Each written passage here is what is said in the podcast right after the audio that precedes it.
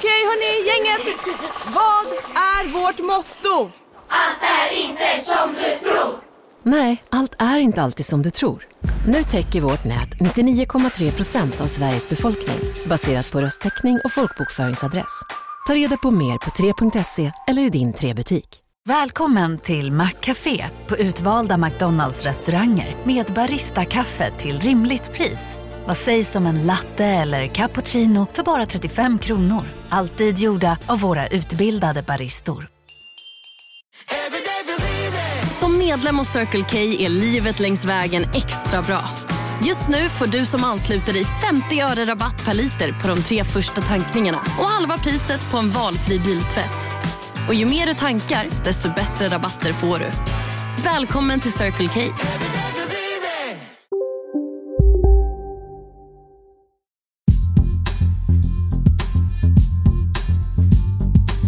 De här förslagen räcker inte, för de här förslagen minskar inte invandringen till Sverige. Att förhandla med Moderaterna nu för tiden, det är som att förhandla med en tvål. Jag hade önskat att vi skulle kunna göra ett handfast råd när det gäller trängsel, men det är en omöjlighet att kunna definiera. Visa respekt, gå inte på en full buss. Om du inte måste åka, åk inte. Eh, åk på off-peak eller lite mitt på dagen om du kan. Your next Vice President of the United States, Kamala Harris. Kamala? Thank you, Joe. Thank you, Joe. Kommer Sverige att få en human, rättssäker och effektiv migrationspolitik? Vilka partier kommer i så fall att stå bakom den? Och hur hala är Moderaterna? Personalen som kör bussar, spårvagnar och tåg laddar för en möjlig trafikantanstormning mitt i Corona-Sverige. Men någon entydig definition på trängsel får vi inte. 80 dagar till USAs presidentval och nu har Joe Biden utsatt Kamala Harris till parhäst. Dessutom om skatt på plastmuggar och nutida svenskars eventuella ansvar för slavhandeln för 200 år sedan. Veckopanelen med Torbjörn Hollö, Dana Pourkomelian och Roland Poirier Martinsson. Jag heter Staffan Dopping.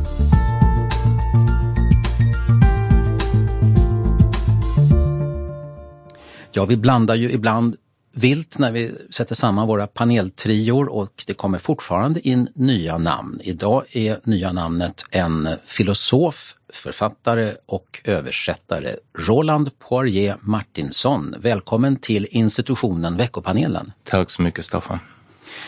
Är det en, en bra tid tycker du att analysera tidens gång på veckobasis? Du menar om just nu är en bra tid eller om veckoperiodicitet är en bra tid? bra icke-svar på en, en dunkel fråga. Mycket välkommen hit. Tack.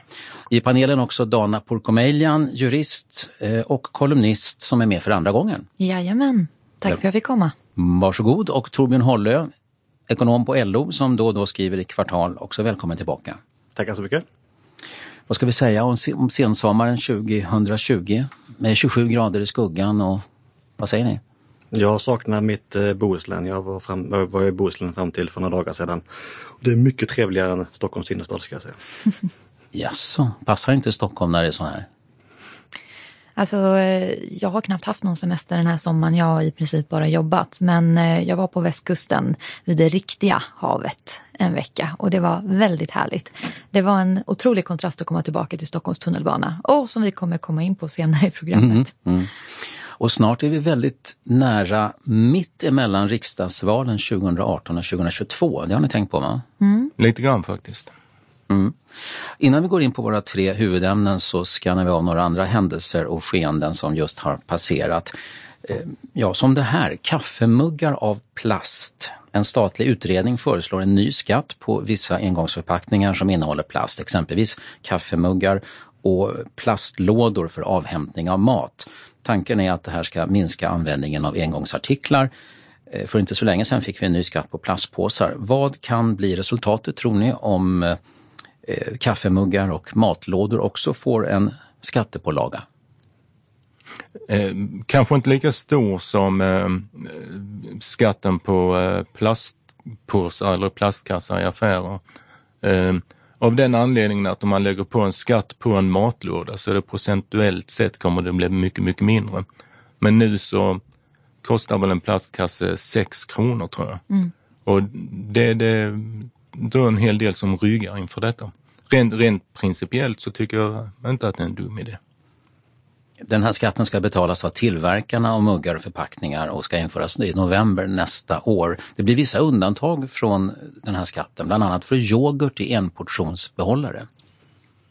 Jag såg det, jag förstår inte det. Nej, det är lite märkligt med tanke på att eh, ja, så många barn blir skickade till skolan med yoghurt och det är yoghurt på utflykter och allt möjligt. Så det makes inte så mycket sens. Det, det kanske finns en väldigt stark eh, yoghurt yoghurtlobby. Ja. Vad säger Torbjörn om den här skatten? Alltså jag jag tycker egentligen att det är fel att, eh, att använda sig av skatteinstrumentet så kraftfullt på miljöområdet. Jag tror att man liksom eh, ska vara mer liksom flexibel och eh, helt enkelt utgå från hur, hur ska vi minska liksom konsumtionen av plast så bra som möjligt. Och då, det kan, då kan det vara informationskampanjer, det kan vara förbud. Det kan i sig vara skatter också, men jag tror inte man ska börja med skatter utan man ska börja lite, man ska börja lite med öppet sinne. Att se vilket verktyg det är som fungerar bäst och jag tror inte alltid att det är just skatter. Jag tror att man har eh, sett resultaten av plastpåseskatten och nu har han blivit ivrig och vill applicera det på allt annat också. Eh, låt oss stanna en stund vid en text som vi publicerade i veckan under Kvartals kulturflik Per Brinkemo och Johan Lundberg har återvänt till statydebatten som flammade upp eh, för ett par, tre månader sedan och som hängde ihop med politiska krav på att ta ner statyer av personer som har en koppling till slavhandel. Mm.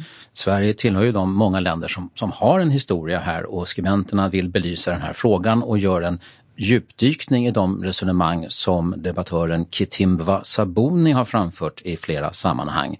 Han är ju ordförande i Afrosvenskarnas riksorganisation och har till exempel eh, ifrågasatt statyn av Gustav III på Skeppsbron i Stockholm. Och rubriken på den här texten av Brinkemo och Lundberg är klar och entydig i form av en fråga. Bör svenskarna säga förlåt för slavhandeln? Ja, bör vi det? Alltså jag tycker egentligen att diskussionen, jag tycker att det är en viktig diskussion som förs naturligtvis, man ska ha stor respekt för den.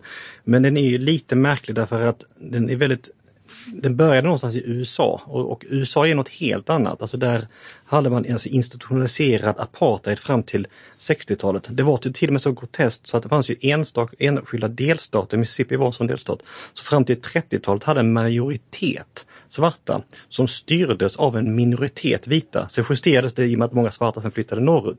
Men så det är något helt annat och jag tycker egentligen att det är lite konstigt att vi bär med oss in den här in i, i Sverige. Mm. Donna? Alltså, jag tycker ju att det är mycket bättre att leva med sin historia än att radera sin historia. Eh, jag håller verkligen inte med om att de här statyerna ska försvinna utan att de är ju en del av vårt arv precis som allt annat och om något så bör vi diskutera det här arvet och eh, förvalta det på rätt sätt. Eh, utan då handlar det ju mer om kunskapsspridning och diskussion mer än att ta ner de här och ersätta det med en annan figur som på sitt sätt om hundra år också kommer ses som problematisk. Det kommer resa en annan staty. Utan eh, så säger jag inte att det är ett konstruktivt sätt att, föra någon samhällsförändring framåt. Vad säger Roland? Att eh, detta som nästan allting annat, eh, där, där, där, finns eh, å ena sidan en del exempel som är ganska självklara tycker jag, som att eh, man nu förbjöd sydstatsflaggan i Mississippi. Eh, tycker jag helt rimligt, eh, ganska klockrent. Å andra sidan så tycker jag att det är jättedumt att kräva att Carl von Linné inte ska få stå staty. Och sen någonstans däremellan så kommer man att hamna i gråzoner.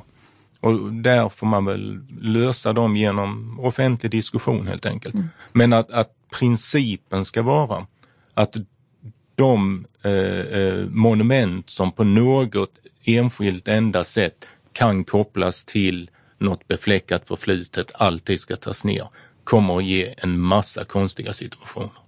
Kan det finnas anledning ändå för någon slags eh, kollektiv eh, ursäkt som framförs 150 till 200 år efteråt? Jag vet inte vad man ska, alltså i Sverige så vet jag inte riktigt vem man ska be om ursäkt. Um, USA det är en helt annan sak. Ehm, um, 12 miljoner afrikanska slavar, en miljon kom till USA. Det är ganska många. 11 miljoner kom någon annanstans. Vad ska vi be de länderna göra? Um, en miljon europeer förslavades i Libyen och länderna däromkring fram till eh, första halvan av 1800-talet. Ska Libyen be om ursäkt till Island? De var med fartyg uppe i Island och rövade islänningar som de beslavade i Afrika. Man hamnar i väldigt många konstiga situationer. Om återigen, där finns någonstans i mitten en gråzon och den får man förhålla sig till genom öppen diskussion. Men man kan inte dra allt över en kam. Det är för krångligt för att göra det.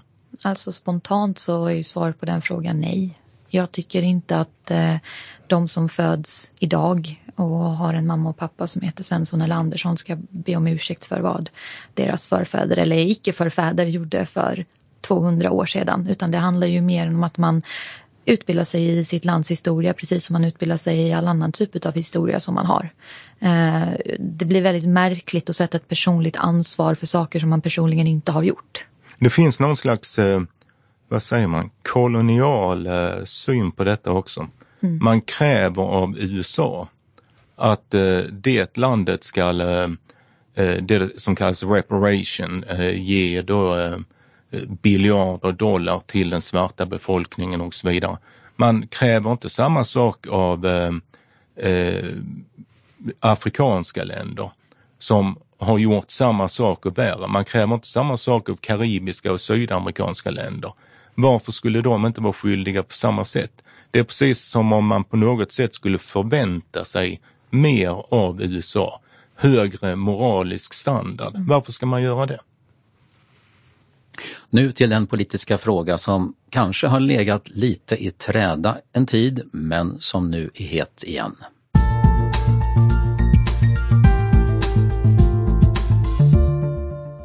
De här förslagen räcker inte, för de här förslagen minskar inte invandringen till Sverige.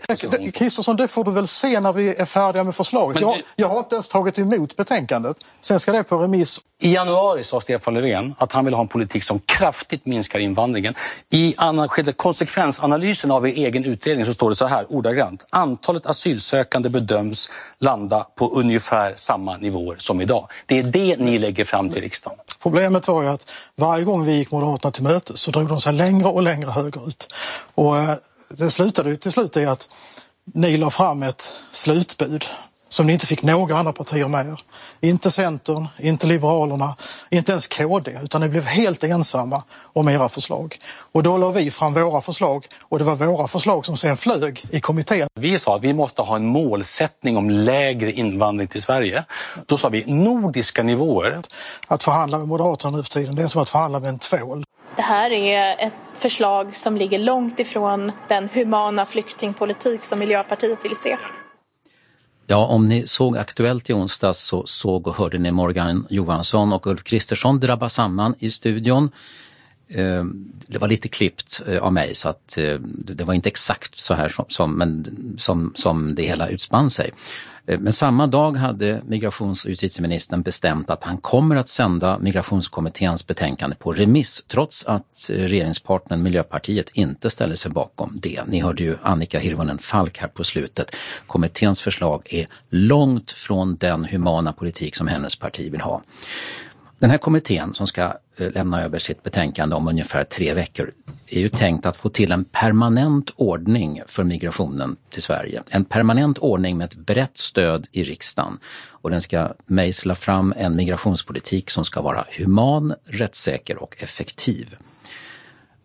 Dana Porkomelian, finns det en chans att det målet kommer att uppnås? Eh, det beror ju på vem man frågar. Frågar man Moderaterna vad som är en rättssäker och human migrationspolitik så får man ju helt, ett helt annat svar än om man frågar Miljöpartiet. Det är ju ganska tydligt. Men det som också är tydligt och som jag eh, tycker är ganska, en ganska orättvis retorik från S sida det är att man försöker flytta fokus från vem som håller i den verkliga taktpinnen här. Det är inte Moderaterna som är den hala tvålen utan det är ju Miljöpartiet. Det finns 26 förslag i den här kommittén. S har sagt ja till allihopa. MP har sagt ja till tre. Det blir jättetydligt att problemet ultimat ligger hos regeringen, att regeringen inte kommer överens. Men finns det någon chans att det kan bli en bred uppslutning politiskt för en, en migrationspolitik som alltså kan bli långsiktig? Ja, det tycker jag. Men inte ett förslag som läggs fram av regeringen gemensamt. Ehm, det är ju så att det finns en majoritet i riksdagen som är för en mer stram asylpolitik och det är inte den linje som MP och V driver mot alla andra. Utan de förslagen som S ställer sig bakom det är de förslag som också M och L och KD och SD ställer sig bakom. Så det finns ju en klar majoritet i riksdagen för många av de här förslagen men de kommer ju inte fram. Vad säger Torbjörn Hållö? Eh, alltså, om din fråga är om man kommer återgå till tidigare, för saken är ju att, att om inte man kommer överens om någonting så kommer man återgå till den mer liberala migrationspolitik som rådde för ett antal år sedan. Och det tror jag inte kommer hända. Eh, så, eh, det, det, det, så tror jag. Men om man ska spekulera lite kring vad som händer nu så tycker jag att det är uppenbart att både S och M egentligen vet att de långsiktigt skulle tjäna på att återuppväcka den axeln som Fredrik Reinfeldt övergav kring 2005. Det fanns en axel mellan S och M som var som eh, i migrationsfrågor. Mm. Eh, men jag tror tyvärr att för tillfället så är både Moderaterna och S präglade av eh, en kortsiktighet som, som missgynnar dem långsiktigt. Där, där S eh, eh, lägger väldigt stor vikt vid att, att upprätthålla sitt samarbete med Miljöpartiet, vilket försvårar en uppgörelse med Moderaterna. Och Moderaterna lägger väldigt stor vikt vid att, att, eh, att inte hamna i clinch med SD, att inte öppna en, ett, liksom en lucka återigen mellan M och SD. Så de här två... De borde göra upp tycker du egentligen, låter det som. Ja, på kort, på kort sikt skulle S och M få stora problem. Eh, M skulle attackeras av SD och S skulle få jättestora problem i relation till MP. Men på lång sikt så skulle det vara bra för Sverige och bra för Socialdemokraterna och Moderaterna som statsbärande partier att, att visa att man kan hantera frågan på ett, på ett moget sätt. Ja, alltså jag måste säga att jag håller inte riktigt med om att, att eh, M är, är rädda för att hamna i clinch med SD utan M är ju rädda för att hamna i clinch med eh, majoriteten av väljarna. M vill ju ha regeringsmakten och majoriteten av väljarna har ju tydligt visat att de vill ha en mer restriktiv migrationspolitik. Så det här handlar, tror jag, för M inte lika mycket om SD och SDs stöd som det handlar om att vinna valet nästa gång. Och då måste de visa att de har varit den drivande kraften i att lägga fram den här mer restriktiva migrationspolitiken. Men i den här debatten i Aktuellt som, om ni inte såg den så kolla på den efterhand tycker jag, så säger ju Morgan Johansson så här att Moderaterna vill, de är ganska överens sa han, 70 procent så, så är det överlappning mellan S och M, men de vill av, av taktiska skäl inte ha en överenskommelse även om de tycker politiken är rätt ungefär. Ja, alltså det som, det som satte käppen i hjulet för S och M-samarbetet var ju frågan om att ha eh, en kvot, ett tak på mottagandet. Det var ju där allting fallerade. Och jag tror eh, och är ganska övertygad om att S egentligen skulle ha sagt ja till ett sådant förslag, att ha en kvot, eh, att ha ett tak. Riktmärke var ett ja, ord som användes ett tag. Riktmärke, synonymer liksom. Mm. Eh, men att då om de skulle säga ja till detta och köra över MP, då skulle MP lämna, lämna regeringen. Och MP har allt att vinna på att driva den här linjen för de, de, små kärnväljarna som de har kvar, de kommer att lämna MP för V om de släpper också på det här. Roland Poirier Martinsson, vad är... Nej, jag, jag tror eh, att diskussionen här eh, leder åt rätt håll. Mm. Att detta handlar mer om det gamla vanliga, nämligen spelteori än om innehållet i en eventuell uppgörelse och att kunna driva igenom den. Eh, S och MP är av olika skäl rädda för att regeringen ska eh, upplösas. Eh, Moderaterna kan jag tänka mig vill skjuta den här frågan på framtiden och göra den till en valfråga. Allihopa undrar hur kommer det som sker nu påverka eh, stödet för SD i valet? Och som bakgrund till detta då att folkopinionen eh, har förändrats ganska kraftigt och, och förmodligen är fortsatt på väg i den riktningen att man vill ha en mer restriktiv invandringspolitik. Så det, det är så många sådana här faktorer som spelar in som eh, egentligen inte har någonting med innehållet i en eventuell uppgörelse att göra. Finns det ingen vuxen i rummet som bara bryr sig om sakfrågan, att det ska bli bra för detta med migrationspolitiken och, och slippa hattandet och stänga och öppningar av kranar? Ja, om det är vuxen i rummet, men jag tror ju att eh, Miljöpartiet, eh, Centerpartiet är partier som, som eh, drivs eh, kanske mer av idealistiska skäl här. Eh, om det betyder vuxen i rummet, det vet jag inte. Men kanske mindre av spelteoretiska skäl. Jag tror som sagt att S och M är lite, schizo, lite schizofrena, att de har delvis det här perspektivet, kallar det för vuxen i rummet, att, de, att det finns en genuin önskan, inte minst kan ju S bäst, men kan Moderaterna ganska bra också. Um, att det finns, när det gäller S så finns det definitivt bland riksdagsledamöter och tunga kommunalråd en jättestor önskan om att få ordning på den här frågan. Mm. För S och M långsiktigt så är, så är, det, så är det jättedåligt att inte göra upp i den här frågan. Och det, och, eh, för det råder inget tvivel om vad majoritet den finns i Sveriges riksdag egentligen. Det råder inget tvivel om vad majoriteten finns bland hos svenska folket. Så att desto längre det här drar ut på tiden desto mer luft får Sverigedemokraterna. Mm. Sen finns det en, ett spänningsförhållande här också. Du nämnde eh, att det finns ett starkt stöd inom Socialdemokraterna för då en uppgörelse som innebär en restri mer restriktiv invandringspolitik. Och så refererar jag till kommunalråden. Men där finns också en stark spänning mellan socialdemokratiska kommunalråd och Socialdemokraterna på riksnivå eh, ute i landet. Och det gäller ju inte bara socialdemokratiska kom kommuner. Så motståndet på politisk nivå är mycket starkare till eh, eh, invandring och mycket mer för en restriktiv invandringspolitik än vad, vad man av taktiska spelteoretiska skäl vågar vara på riksplanet, tror jag. Torbjörn, du jobbar ju på LO. Eh, från socialdemokratiskt håll, är det så att Moderaterna är väldigt likt en, en tvål? Att man får en samma känsla liksom vid umgänget med det partiet som om man hade med en tvål att göra i badkaret?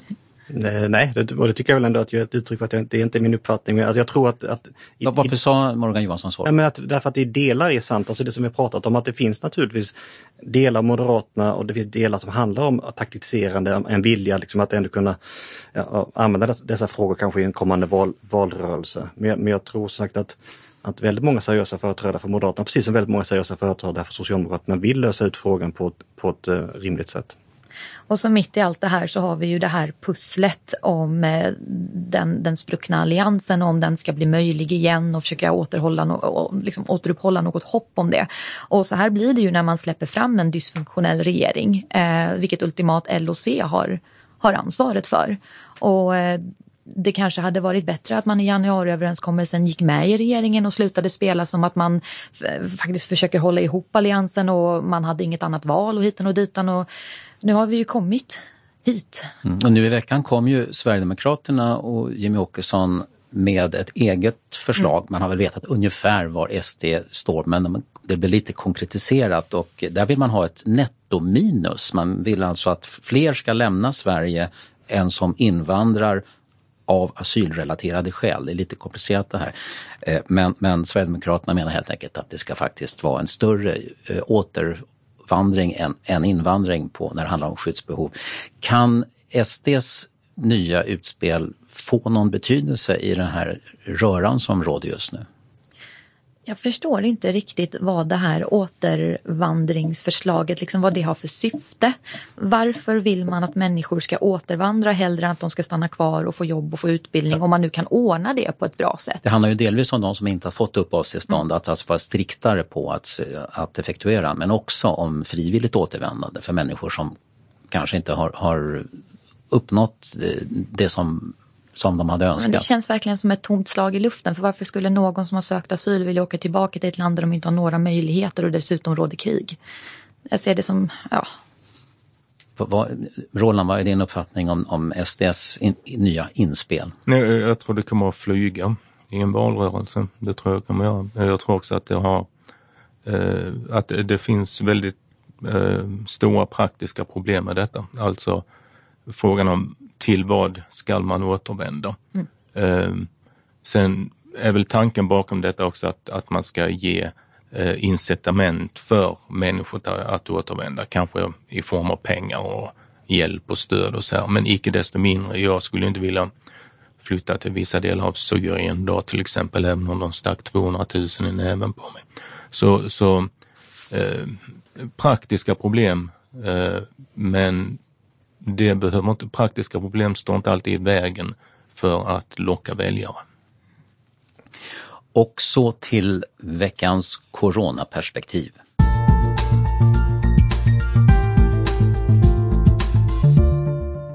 Det Det kom inga handfasta direktiv på dagens presskonferens hur trängsel ska undvikas inom kollektivtrafiken i höst. Ingen definition på vad som betecknas som trängsel. Det är du själv som kommer bestämma om du vill sätta dig bredvid någon som sitter och sitta tajt. För det kommer inte vara någon som gör så här, utan det kommer att hamna där.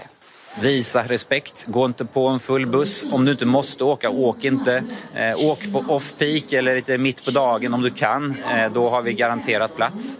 Jag hade önskat att vi skulle kunna göra ett handfast råd när det gäller trängsel, men det är en omöjlighet att kunna definiera, för det går inte att efterleva överallt.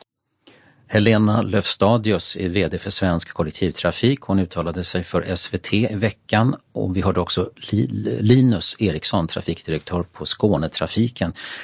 Ja, oron verkar vara rätt stor nu inför hösten när massa saker startar och skolor, gymnasier och universitet faktiskt börjar med utbildning fysiskt igen. Men det blir fortsatt stort personligt ansvar för att det inte ska bli covid-19 spridning på bussar och tåg. Torbjörn Holle, hur, hur hållbart är det att, att köra på det här viset med, med de här linjerna och uppmaningarna och förhoppningarna?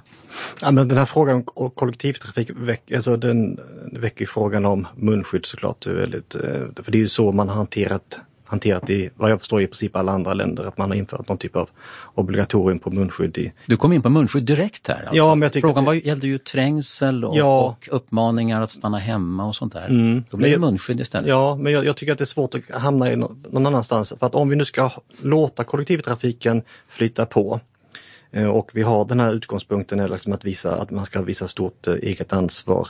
Så tycker jag, så är frågan liksom, varför har inte Sverige krav på munskydd i kollektivtrafik när det är ett explicit rekommendation för WHO som då kom innan sommaren och när det är något som införs och jag kan förstå i princip av alla andra länder. Och jag tycker egentligen att det är en väldigt bra illustration av de två saker som jag är mest förundrad över när det gäller Sveriges covid-19 hantering. Den ena är att hur Alltså att vi inte är förmögna att ta in ny information, eller vi, vi har svårt att ta in ny information.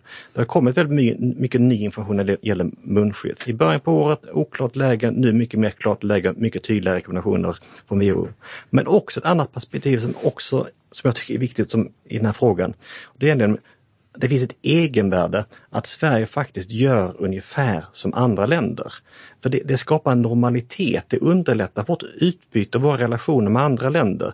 Att när folk kommer till Sverige så, så skapar det en trygghet och man känner att, att här beter man, man sig på samma sätt som jag, jag är med i Bryssel eller, eller vilket stad jag kommer från när jag åker tunnelbana, buss eller vad det kan röra sig om. Och de här två perspektiven tycker jag präglar eh, svensk covid-19 hantering hela tiden. Brist på att ta in ny kunskap och en oförmåga att ta in andra perspektiv på en fråga. I det här fallet, hur uppfattas det eh, i andra länder?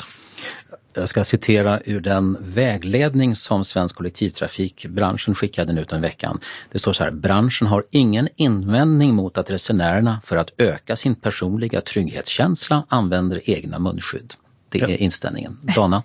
sin personliga trygghetskänsla. Det är som att man säger att eh, ja, ta på dig ett munskydd om det får dig att känna dig säkrare. Men det betyder inte att det är säkrare och därför rekommenderar vi det inte. Jag tyckte det var intressant det du sa om det här eh, vad ska man säga, diplomatiska perspektivet eller relationen med, med eh, våra övriga, framförallt grannländer. Eh, vi har, Anders Tegnell har ofta pratat om att ja, men i vår coronastrategi så är det inte bara smittspridning utan det är också den psykiska ohälsan, det är också liksom den ekonomiska biten och alla de här sakerna måste vi ta i beaktande för att skapa en bredare folkhälsa. Men det skulle vara väldigt intressant om man i det också tog in att ja, Anders Tegnell kanske inte tycker, inte tycker munskydd är, är eh, effektivt. Men om det förstör våra relationer med att liksom, eh, Norge velar från ena dagen till den andra vilka eh, landskap i Sverige som ska få åka dit och inte. Ja men då kanske vi ska i alla fall införa munskydd på kollektivtrafiken så vi har en större sammanhängning med våra andra nordiska länder. För det kanske har ett egenvärde i sig. Eh, alla ska alltså hjälpas åt för att undvika trängsel. Det var liksom det övergripande budskapet på pressträffen häromdagen. Men som sagt var, det finns ingen entydig definition om vad trängsel är. Eh, och ur samma vägledning som branschen kom så kan jag citera så här. Resenärer som känner obehag bör själv ta beslut att stiga av fordonet om man upplever att det är för trångt eller vänta på nästa tur. Roland? Det, det kommer inte att fungera. Det, alltså, Eh, först bara helt kort om munskydd. Som jag ser det så är frågan och dels eh, skyddar munskydd och den andra är skyddar de inte, kvittar de? och den tredje gör de skada. Och eh, Tegnells och vår myndighets eh, inställning har, har varit att de gör skada. Och WHOs rekommendationer, det, det är ju inte eh, Eh, stentavlorna från Sinai, utan det är också en politisk organisation för det första, eller politiskt influerad och för det andra en organisation som ska sätta samman, sätta samman en mängd olika forskningsrapporter. Big Mac har miljarder fans över hela världen. Under mer än 50 år har den skapat popkulturell historia. En legend med 100% nötkött och den mytomspunna såsen. Nu finns Big Mac för bara 39 kronor på McDonalds. Hej, Susanne Axel här. När du gör som jag och listar dig på en av Krys vårdcentraler får du en fast läkarkontakt som kan din sjukdomshistoria. Du får träffa erfarna specialister, tillgång till lättakuten och så kan du chatta med vårdpersonalen. Så gör ditt viktigaste val idag, listar dig hos Kry. Hej, Synoptik här. Livet med glasögon ska vara bekymmersfritt. Därför får du 30% på alla glasögon när du väljer Synoptik All Inclusive. All service ingår alltid. Välkommen till Synoptik. Jag satt och tittade på detta ganska länge igår och jag ser inget konsensus i forskningsvärlden vad gäller munskydd. Där, där finns alla tre positioner. Det kvittar, det hjälper, det gör skada.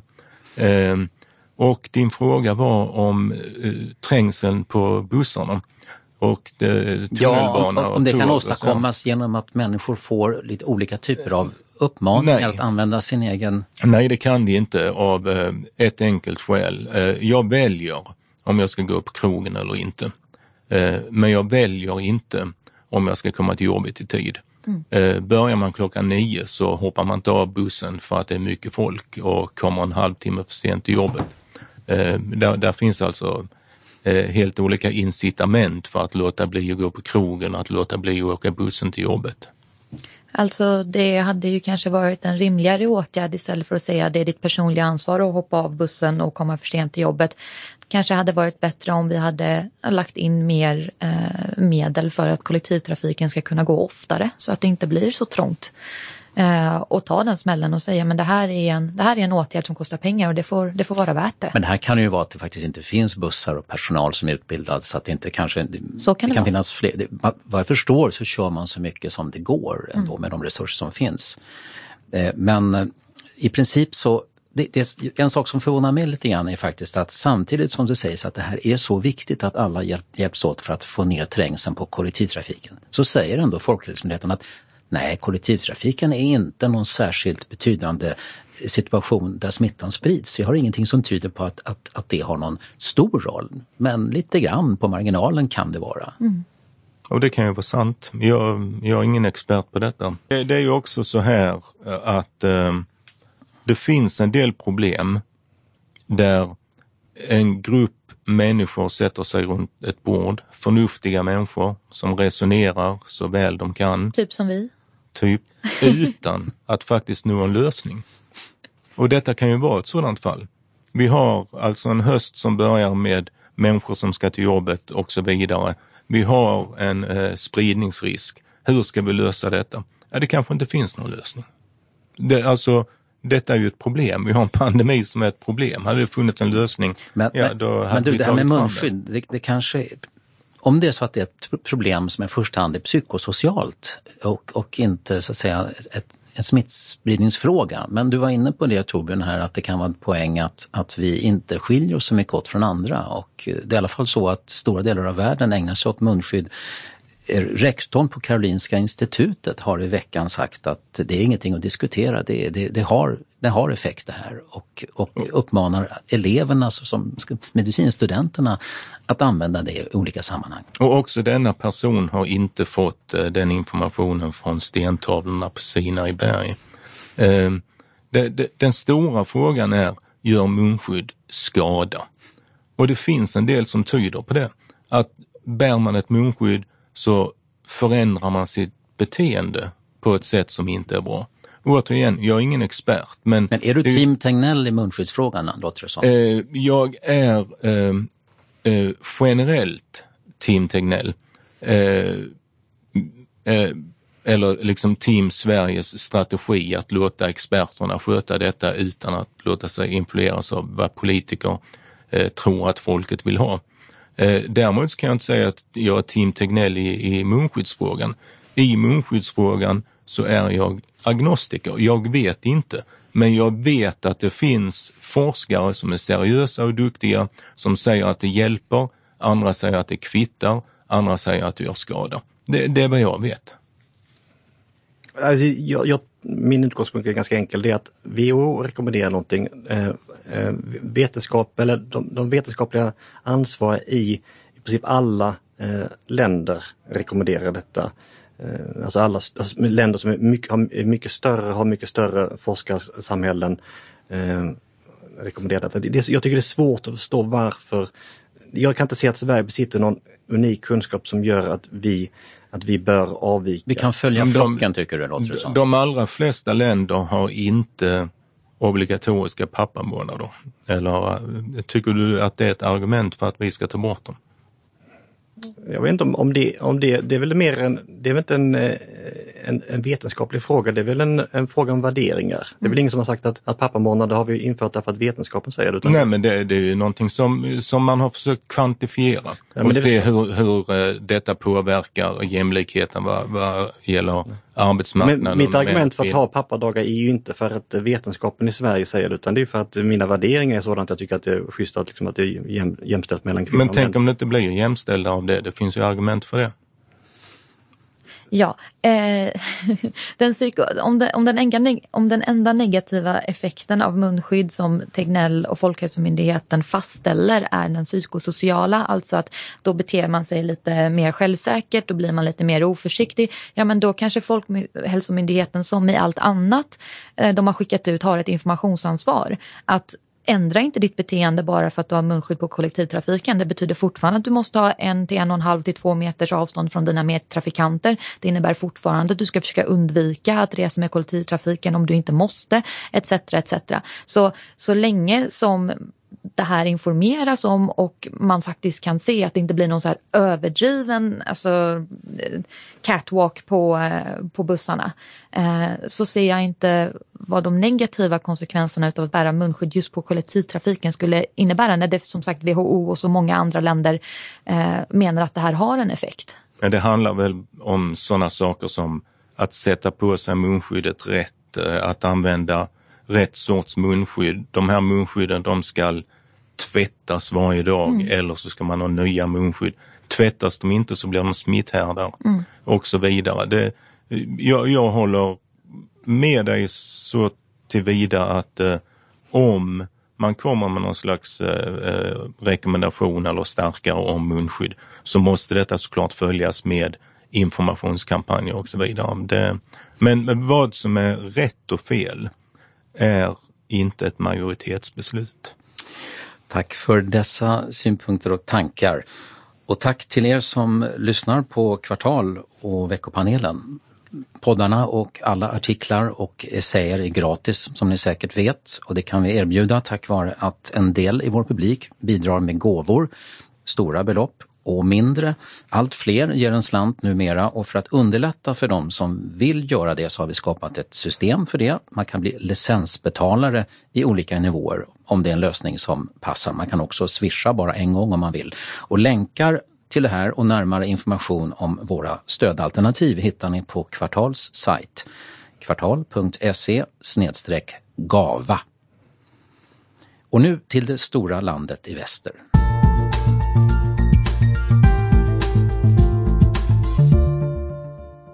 Your next Vice President of the United States, Kamala Harris. Kamala, the floor is yours. Thank you, Joe. Thank you. Thank you, Joe. As I said, Joe, when you called me, I am incredibly honored by this responsibility, and I'm ready to get to work. I am ready to get to work. After the most competitive primary in history, the country received a resounding message that Joe was the person to lead us forward.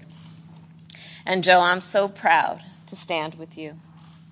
And I do so mindful of all the heroic and ambitious women before me whose sacrifice, determination, and resilience makes my presence here today even possible.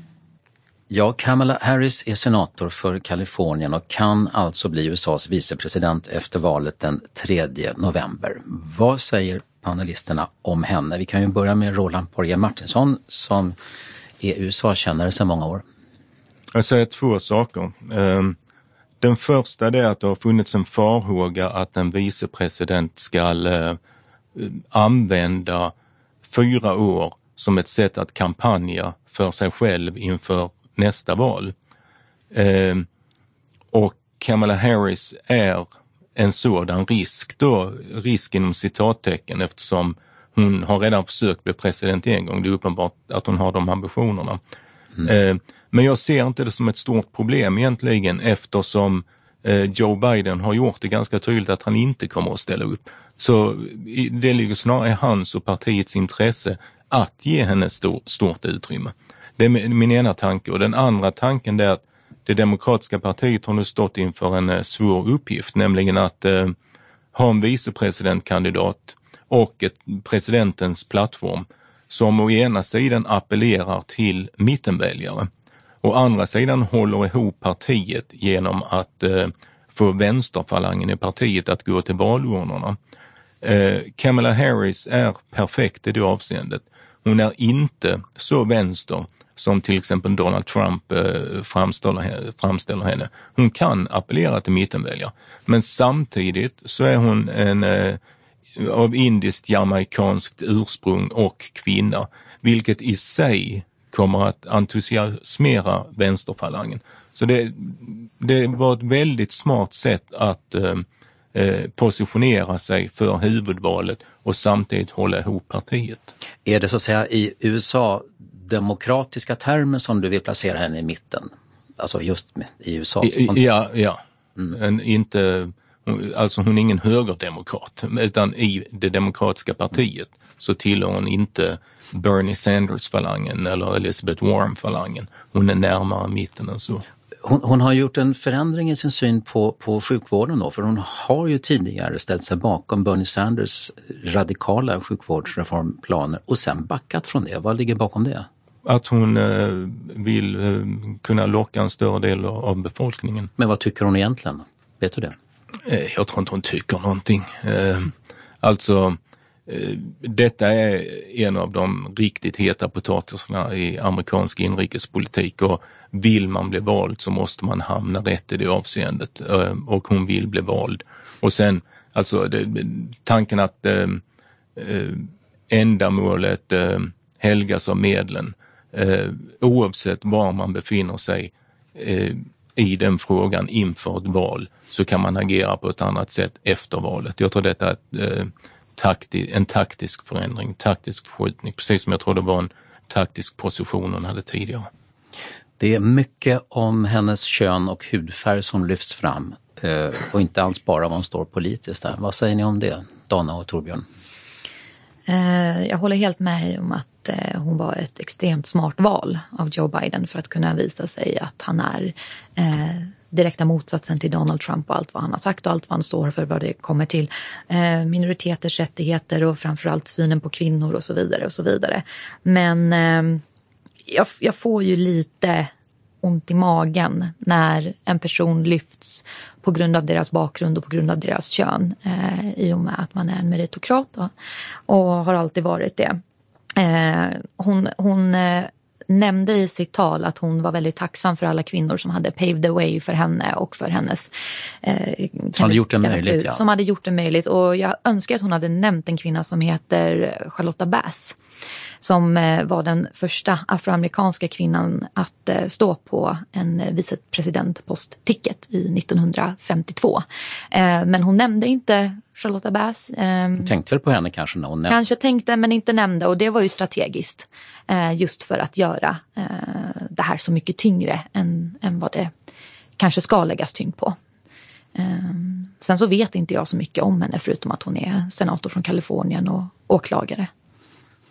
Hon är falsk, sa Donald Trump och hans gäng i en, i en kampanjfilm bara någon timme efter att hon var utsedd. Eh, Torbjörn, vad, vad är din reaktion på valet av Kamala Harris? Nej, men hon ger intrycket av att vara extremt professionell och ge ett eh, väldigt gott intryck eh, och har ju en verkar ju ha en profil som verkar helt rätt. Har ju jobbat som, eh, som åklagare, jurist i botten eh, och eh, har själv som barn, som barn erfarenhet åtminstone att eh, bussas, alltså att, att helt enkelt.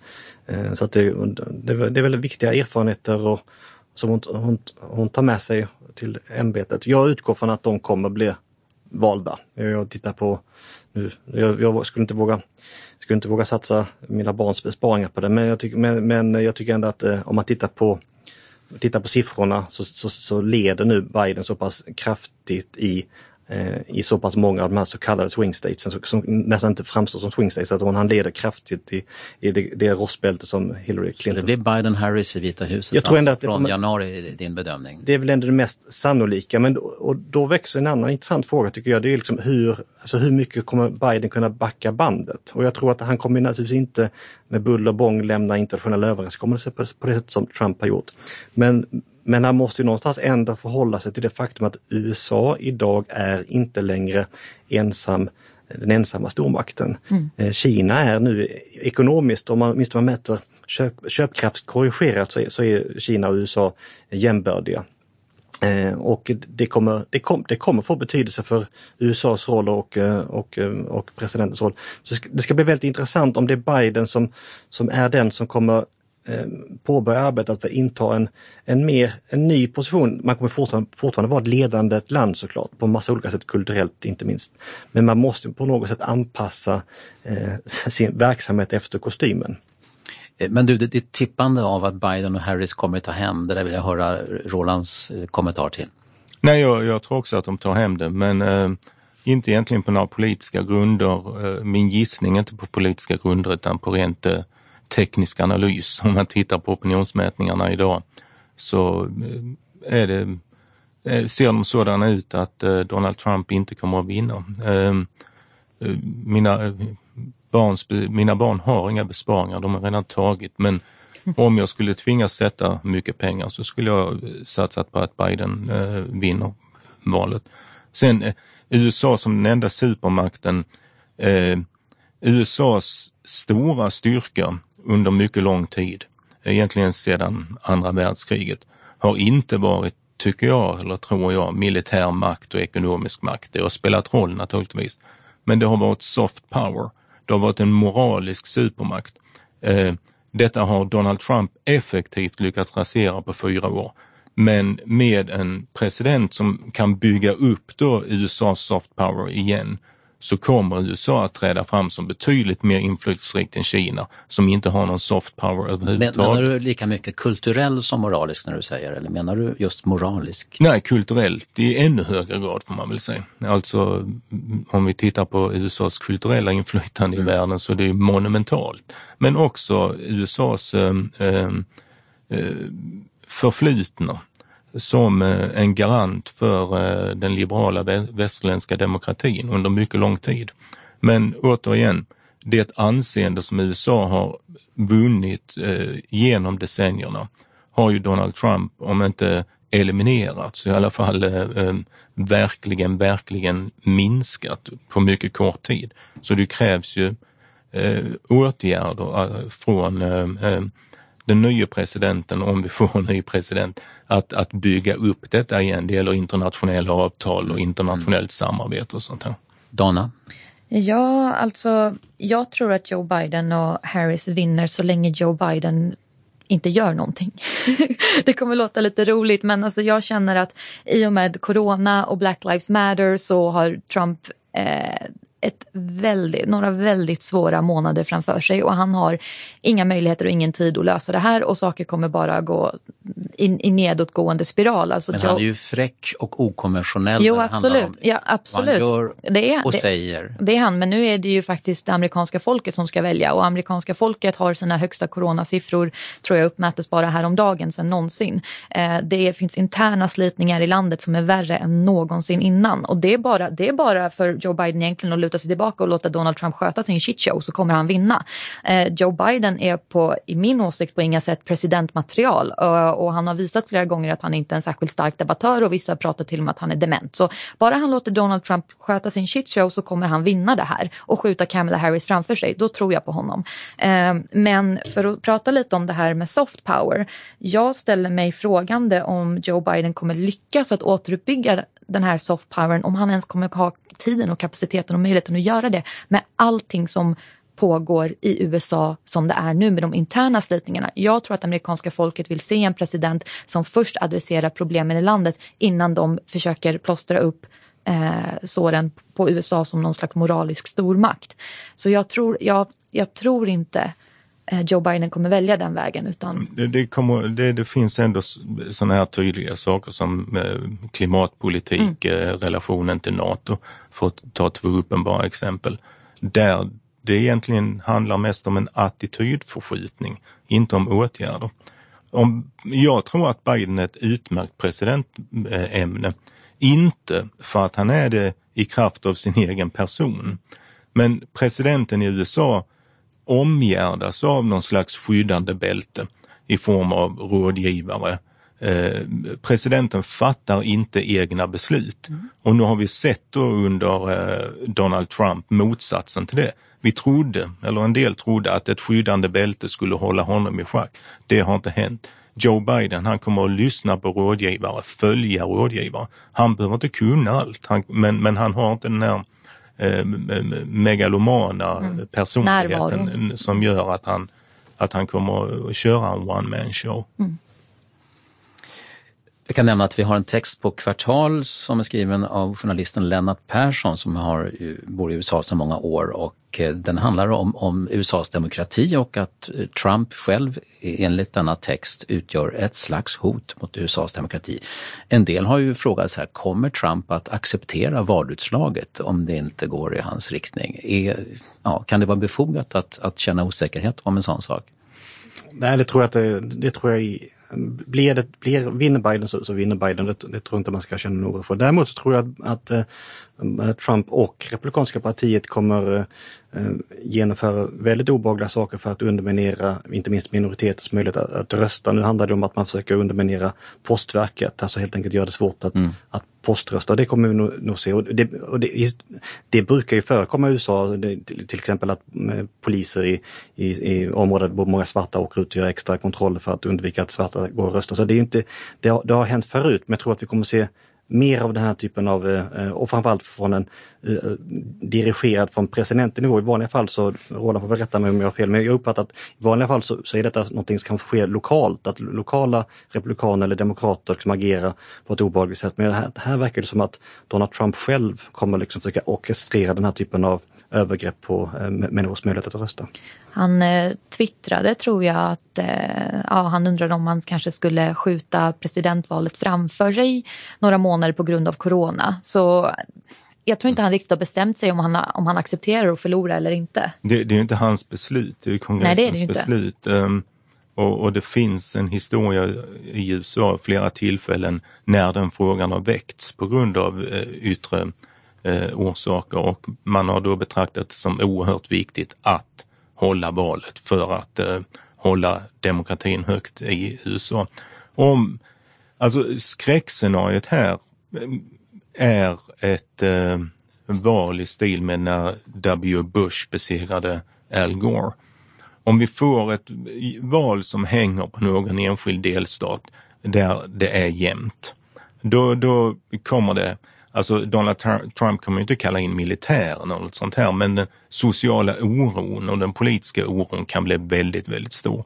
Om eh, Joe Biden får eh, 330 elektorsröster, då, då finns det liksom inget att göra, utan då, då blir det en, en smooth transition, det tror jag. Men ett väldigt jämnt val, då är det oförutsägbart.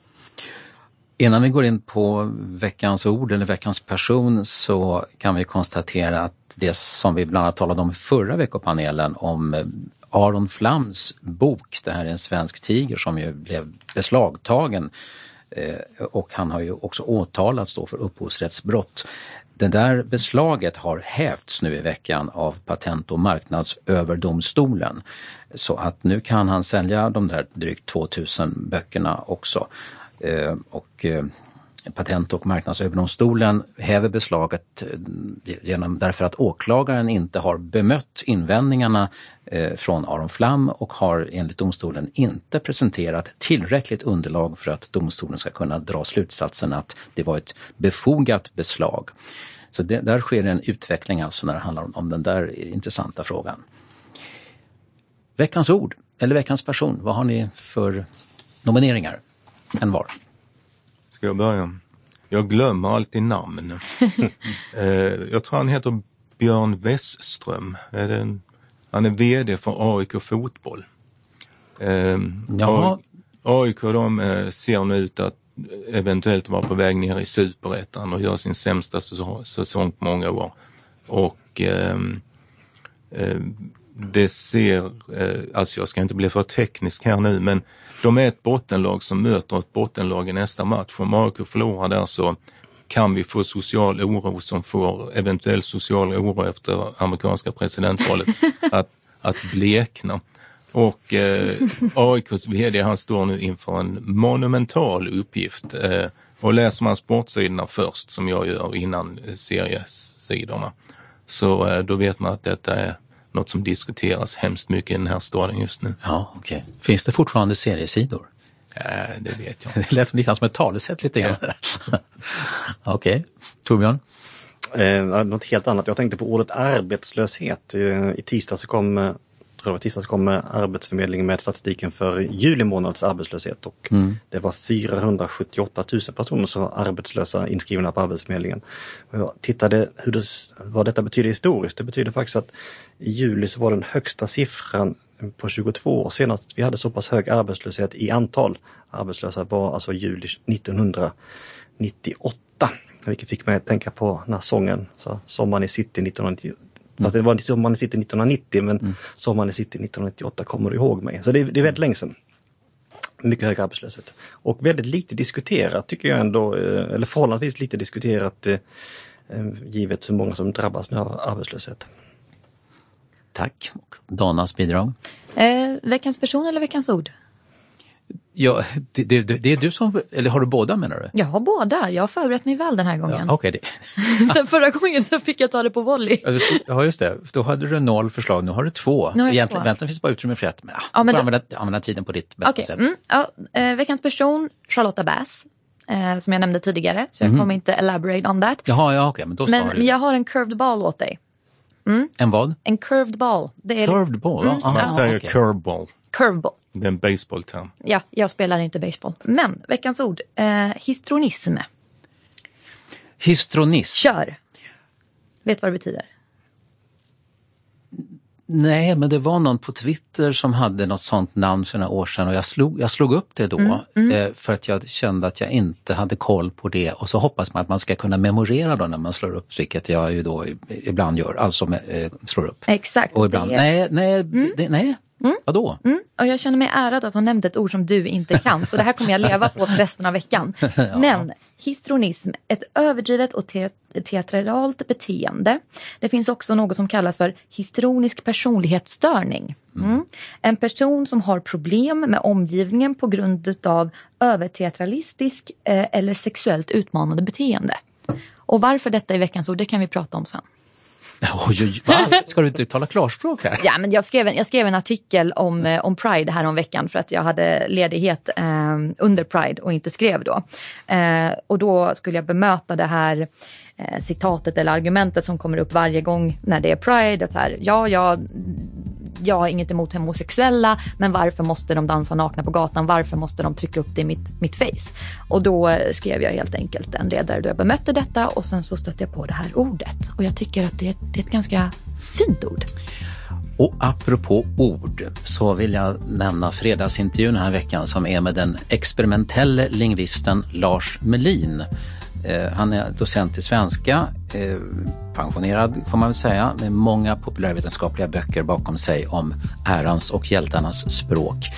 Eh, det går inte att trolla med ord hävdar Lars Melin. Det vill säga, verkligheten blir inte förändrad på det sätt man önskar för att man säger det där ordet ska du inte använda, utan säg sådär istället.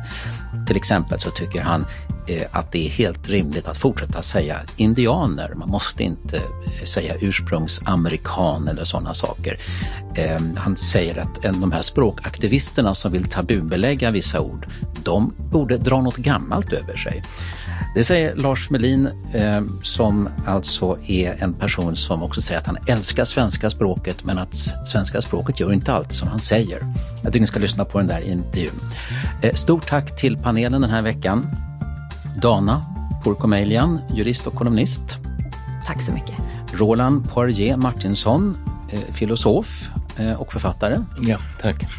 Och Torbjörn Hollö, LO-ekonom. Stort tack. Tack så mycket. Hoppas att hela helgen blir lagom avkopplande, lagom aktiv och lyssna gärna på några av våra inlästa kvartaltexter när omständigheterna är lämpliga för det. Tack så mycket för den här gången och trevlig helg.